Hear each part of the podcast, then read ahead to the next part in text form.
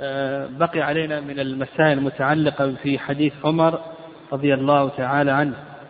عن عمر رضي الله عنه قال حملت على فرس في سبيل الله فأضاع الذي كان عنده أن, فأردت أن أشتريه وظننت أنه يبيع برخص فسألت النبي صلى الله عليه وسلم فقال تشتري ولا تعد في صدقتك وإن أعطاكه بدرهم فإن العائد في هبته كالعائد في قيئه. هذا الحديث كما تقدم اشتمل على مسائل من هذه المسائل وقف الحيوان ومن هذه المسائل أيضا وقف المنقول وقف المنقول.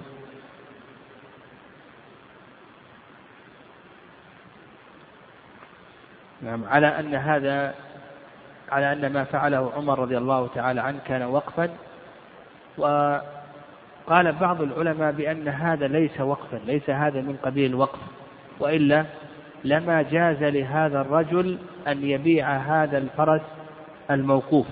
يعني لكن عمر رضي الله تعالى عنه تصدق عليه ولم يجعل ذلك وقفا وإلا لو كان وقفا فإنه لا يجوز له أن يبيع آه،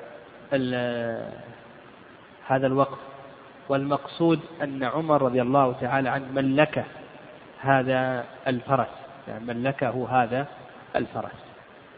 ولو قلنا بأنه من قبيل الوقف يعني كما استنبطه بعض العلماء فإن الوقف يباع إذا تعطلت منافعه أو كان في بيعه مصلحة كما سلف لنا. يعني إذا تعطلت الوقت تعطلت منافعه أو كان بيعه أصلح من بقائه فإن هذا جائز ولا بأس به. ومن مسائل هذا الحديث فيه الإعانة على الجهاد في سبيل الله عز وجل. ومن مسائله أنه يحرم على المسلم أن يرجع في صدقته يرجع في صدقته بالشراء. كونه يشتري هذه الصدقة فإنه يحرم عليه أن يرجع فيها. يعني يذهب ويشتري هذه الصدقة فنقول بأن هذا محرم ولا يجوز. لكن لو رجعت إلى المتصدق عن طريق الميراث يعني ورثها تصدق بهذه الصدقة على قريب له ثم مات ثم ورثه فإن هذا جائز ولا بأس به كما جاء في صحيح مسلم. وهذا جائز والعلماء يحكون أن الإجماع على ذلك. يعني رجوع الصدقة إلى المتصدق إن كان عن طريق الشراء فإن هذا لا يجوز. وإن كان عن طريق الميراث فإن هذا جائز ولا بأس به. طيب إن كان عن طريق الهدية أو الإطعام نحو ذلك يعني أهدى له تصدق عليه بطعام ثم بعد ذلك أهداه من هذا الطعام إلى آخره فهذا أيضا جائز ولا بأس به. يعني هذا جائز ولا بأس به إن شاء الله. وفي هذا أيضا في هذا أيضا نعم أن العود أن كل شيء أخرجه الإنسان لله عز وجل فإنه لا يجوز له أن يعود فيه. كل شيء أخرجه لله عز وجل فإنه لا يجوز له أن يعود فيه. وفي هذا أيضا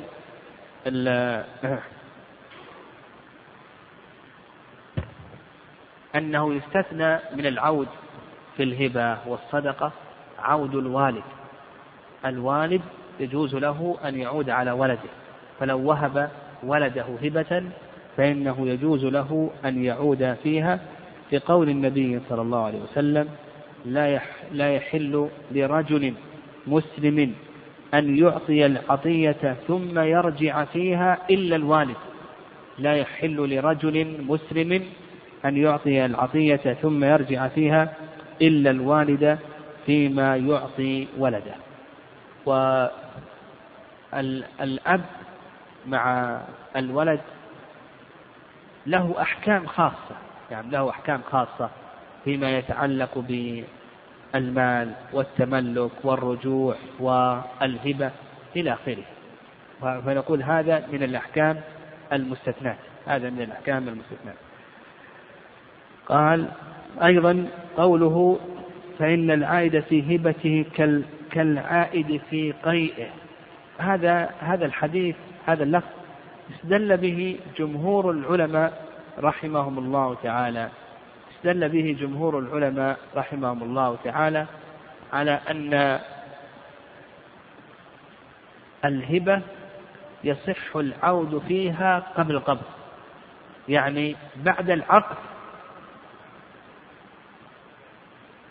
الهبة ليست لازمة صحيحة لكنها لا تلزم إلا بالقبض يعني لا تلزم إلا بالقبض لأن النبي صلى الله عليه وسلم قال العائد في هبتي كالكلب يقي.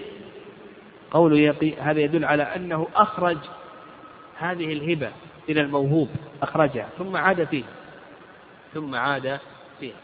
والرأي الثاني الرأي الثاني أنه يحرم الرجوع في الهبة حتى وإن لم يقبضها الموهوب له. لأن النبي صلى الله عليه وسلم نهى عن العود في الهبة ولكن كونه يرجع بعد القبض هذا أشد نهيا. يعني النبي صلى الله عليه وسلم شبهه بالكلب. وهذا قول الإمام مالك رحمه الله تعالى في الجملة. يعني أنه لا يجوز العود في الهبة. يعني حتى وإن لم يقبضها الموهوب له. لكن كونه يرجع بعد بعد القبض هذا من باب أولى أشد نهيا. قال نعم قال رحمه الله وعن ابن عباس رضي الله عنهما أن الرسول صلى الله عليه وسلم قال العائد في هبته كالكلب كالعائد في قيئه. تقدم الكلام عليه وفي هذا كما ذكرنا دليل الجمهور الذين قالوا بأن القبض ملزم وأنه قبل القبض يجوز له أن يرجع والرأي الثاني كما ذكرنا رأي الإمام مالك رحمه الله في الجملة أنه لا يجوز له أن يرجع حتى وإن لم يقبض ما دام أن العقد قد تم. قال وعن نعمان بن بشير قال تصدق علي أبي ببعض ماله فقالت أمي عمرة بنت رواحة لا أرضى حتى يشهد رسول الله وسلم فانطلق أبي إلى رسول الله وسلم ليشهده على صدقته. فقال صلى الله عليه وسلم أفعلت هذا بولدك كلهم؟ قال لا. قال اتقوا الله واعدلوا بين أولادكم. قال فرجع أبي, فرد تلك الصدقة. وفي نصب فلا تشهدني إذا فإني لا أشهد على جور. وفي لفظ فأشهد على هذا غيري. هذا الحديث حديث النعمان. رضي الله تعالى عنه فيه وجوب العدل بين الأولياء بين الأولاد في الهبة. يعني وجوب العدل بين الأولاد في الهبة. وأنه يحرم على الأب أن يفضل بعض الأولاد على بعض في الهبة. واعلم اعلم أن ما يعطاه الولد ينقسم إلى قسمين. يعني ما يعطاه الولد ينقسم إلى قسمين. القسم الأول أن يعطيه الوالد على سبيل النفقة. أن يعطيه على سبيل النفقة. فنقول العدل في هذا إذا كان على سبيل النفقة. نقول العدل ضابط العدل في هذا أن يعطي كل واحد من الأولاد ما يحتاجه. فهذه بنت. تحتاج إلى حلي بألف ريال وهذا ابن يحتاج إلى قلم بريال. هذا البنت يعطيها ألف وهذا يعطيه ريال. هذا العدل هذا العدل هذا يحتاج إلى ثوب بمئة ريال وهذا يحتاج إلى ثوب بعشرين ريال. فالعدل أن يعطي هذا مئة وأن يعطي هذا بعشرين ريال. فإذا كان ما يعطيه الوالد لولده على سبيل النفقة فالضابط في ذلك أن يعطي كل واحد منه ما يحتاجه. هذا يحتاج إلى زواج بعشرة آلاف ريال وهذا يحتاج إلى ثوب بمئة ريال. هذا يعطيه عشرة آلاف وهذا يعطيه مئة ريال. هذا القسم الأول. القسم الثاني أن يكون ما يعطيه الوالد لولده على سبيل الهبة. فهذا نعم هذا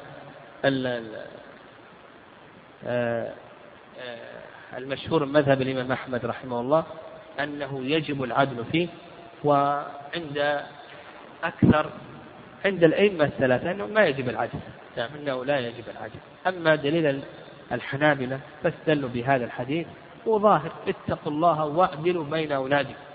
لا لا تشهدني على جو أشهد على هذا غيري إلى آخره. وعند الجمهور يقولون بأن هذا جائز ويدل لذلك أن الله عز وجل قال إن الله يأمر بالعدل والإحسان وهذا من الإحسان. كونه يعطي هذا الابن ويترك هذا الابن هذا من الإحسان. وأيضا قالوا استدلوا بأن عائشة رضي الله تعالى عنها وهبها أبو بكر عشرين وسقا من جذاذ نخله بالعالية. يعني عشرين وسقا من جذاذ نخله بالعالية. لكن أما قول الله عز وجل إن الله يأمر بالعدل والإحسان فنقول الإحسان هو اتباع السنة. وإذا كان الإنسان يريد الإحسان فليتبع السنة عليه أن يحسن إلى جميع الأولاد. وأما فعل أبي بكر رضي الله تعالى عنه فال نقول هذا محمول على أنه إما من من قبيل النفقة. وإذا كان من قبيل النفقة ها يكون على حسب ماذا؟ حسب الحاجة. عائشة رضي الله تعالى عنها كانت محتاجة فأعطاها على سبيل النفقة أو أن هذا برضا بقية إخوتها نعم برضا بقية إخوتها. أو أنه كما قال ابن حزم أن هذا ليس من قبيل الهبة وإنما هو من قبيل العدة. والله أعلم. نعم هذا السائل يقول هل مرور المرأة والكلب أمام الإمام تبطل صلاة الإمام والمأمومين؟ أي نعم. نعم إذا هنا في هذه الحالة إذا مرت المرأة أو الكلب بين الإمام وبين سترته بطلت صلاة الإمام وبطلت صلاة المأمومين لأن سترة الإمام سترة للمأمومين يقول هل المبادرة إلى المسجد والصلاة في أقرب مكان للإمام دائما هل يكون داخلا في النهي عن الإيطان كإيطان البيان؟ لا نقول ليس داخلا. نعم هنا فعل السنة كيف يكون داخل في النهي؟